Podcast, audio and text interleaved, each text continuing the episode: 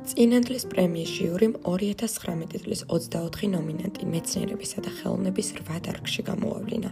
საქართველოს განათლების, მეცნიერების, კულტურისა და სპორტის სამინისტროს ცნობით, ზურაბ ჟვანიას სახელობის წინანდლის პრემიის მოსაპოვებლად კონკურსი 20 სექტემბრიდან 20 ოქტომბრის ჩათვლით მიმდინარეობდა.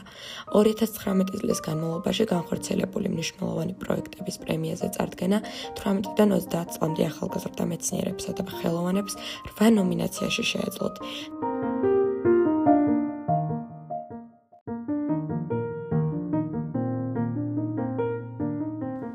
თეატრალური ხელოვნება, კინოხელოვნება, პროზა, პოეზია, მუსიკალური ხელოვნება, ჰუმანიტარული მეცნიერებები, სახვითი ხელოვნება და საბუნებისმეტყველო მეცნიერებები. პრემიასთან დაკავშირებით კომენტარი ჟიურის ერთ-ერთმა წევრმა, ალექსანდრე თევზაძემ გააკეთა. გამარჯვებულები გამოვიდნენ 8 ნომინაციაში. მე ამ შემთხვევაში წარმოადგენს საბუნების მეტყველო მეცნიერებების ნომინაციას. ეს არის ძალიან მნიშვნელოვანი კონკურსი, რომელიც უკვე წლებია თავისი ადგილი დაიმკვიდრა ჩვენ საგანმანათლებლო სივრცეში. მონაწილეები შერჩეული იქნა სპეციალური ჟიურის მიერ. ძალიან ნაშრომი ძალიან ბევრია. სამწუხაროდ ნომინანტი მხოლოდ 3-ია და გამარჯვებული 1.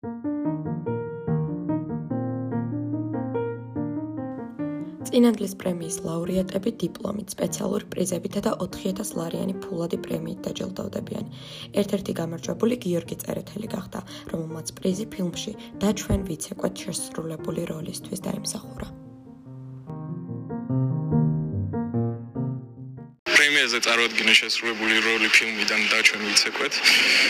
ძალიან გამიხარდა რომ ჟიურიმ გააკეთა ჩემზე არჩევანი. ძალიან კარგი ფესტივალი არის და წარმატებებს უსურვებ ამ ფესტივალს და ყველა იმ გამარჯვებულს ულოცავ.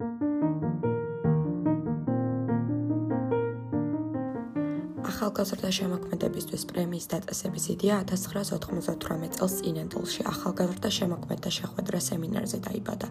წინანდლის პრემია ემსახურება თანამედროვე ხელოვნებასა და მეცნიერებაში არსებულ მიღწევათა პოპულარიზაციას და ხელს უწყობს ახალგაზრდა ნიჭიერ და პერსპექტიულ შემოქმედთა შესაძლებლობების რეალიზაციას.